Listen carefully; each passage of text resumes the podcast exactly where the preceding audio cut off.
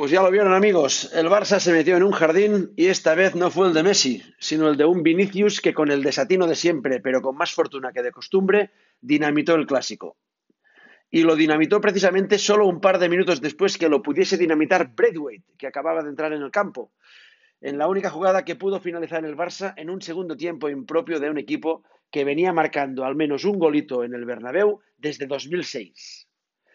Y digo impropio porque el desplome físico del segundo tiempo fue de vergüenza ajena. Nada nuevo, pero igualmente vergonzoso a este nivel. De los once tíos ordenaditos y precisos que hicieron circular el balón con mayor maestría que profundidad, con más ganas de defender que atacar en el primer tiempo, solo Gerard Piqué quedó de pie hasta el pitido final del árbitro. Absolutamente impresentable.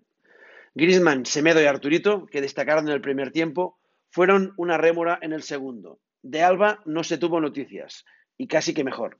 Y un Titi, otro que estuvo sólido y aseado al principio, se unió a una verbena en la que solo achicaban agua Ter Stegen y Piqué, inconmensurables junto a Busquets hasta que el cuerpo le aguantó. Y lamentablemente el cuerpo cada vez le aguanta menos a este equipo, incapaz de contener el empuje y poco más del Real Madrid más rudimentario de los últimos tiempos.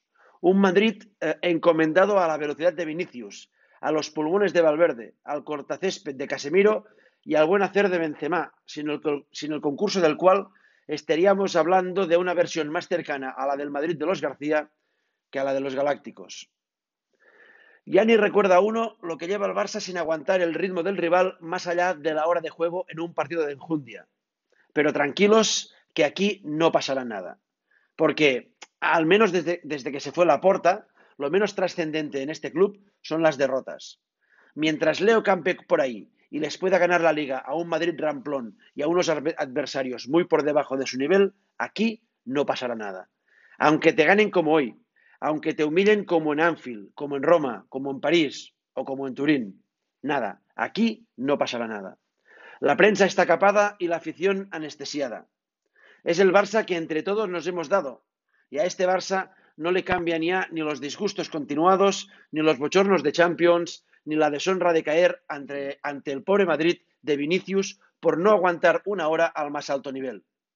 Y por cierto, que se vaya preparando esta semana el pobre Setién, el que menos culpa tiene de todo esto, pues entre las viudas de Valverde y los ofendiditos por su inicial alegato purifista, le esperan unos bonitos días en la prensa. Malcolm Delaney pide tres años de contrato para renovar con el Barça de básquet el brasileño William, que sigue interesando al Barça, le pide tres años para renovar al Chelsea, que no pasa de dos. En verano llegaría gratis, si el Barça traga con los tres años. Personalmente lo tengo entre claro y clarísimo. Sí a Delany y sí a William. ¿Qué es por tres años? Pues por tres años. Por rendimiento, por calidad y porque al fin y al cabo los contratos se firman y luego se cumplen o no. Se envían aquí o se envían allí. Pero al menos ni uno ni otro ni Delany en básquet, ni William en fútbol, llegan por un pastón fuera de mercado, ni tampoco son un melón por abrir.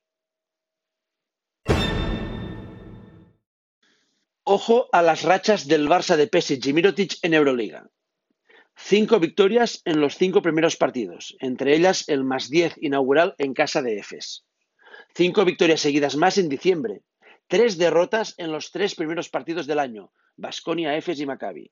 Y ahora siete victorias en los últimos siete partidos, incluyendo las hasta hace uh, nada casi impensables en casa de Fenerbahce, Panathinaikos y CSK. Cuidado que cuatro de ellas son por menos de cinco puntos y dos, Valencia y Moscú, con buzzer beaters de Nikola Mirotic, el hombre de la Euroliga ahora mismo. Mucho talento, sí, pero también incipiente jerarquía. Y en espera de que Ertel vuelva a reaparecer, y habiendo ya tirado la toalla con Pangos, parece que tenemos también el regreso al rol esperado de Higgins, de Higgins y Davis, sin el buen nivel de los cuales no se puede entender un Barça luchando por los títulos en el año de su regreso al firmamento. Con ellos, en cambio, debe aspirar tanto a Liga como a Euroliga. En Movistar Plus se vivió muy intensamente el conato de remontada de Baxi Manresa este mediodía en el Palau y no es la primera vez. Estoy muy a favor de las narraciones que acostumbran a aupar a los equipos pequeños que juegan ante, por ejemplo, Barça o Basconia. lo digo muy en serio. Lo merecen los equipos modestos, alejados de los grandes presupuestos futboleros y lo agradece también la propia competición. De hecho, lo agradece el espectáculo. El siguiente paso es narrar también a favor de los pequeños cuando juegan contra el Madrid.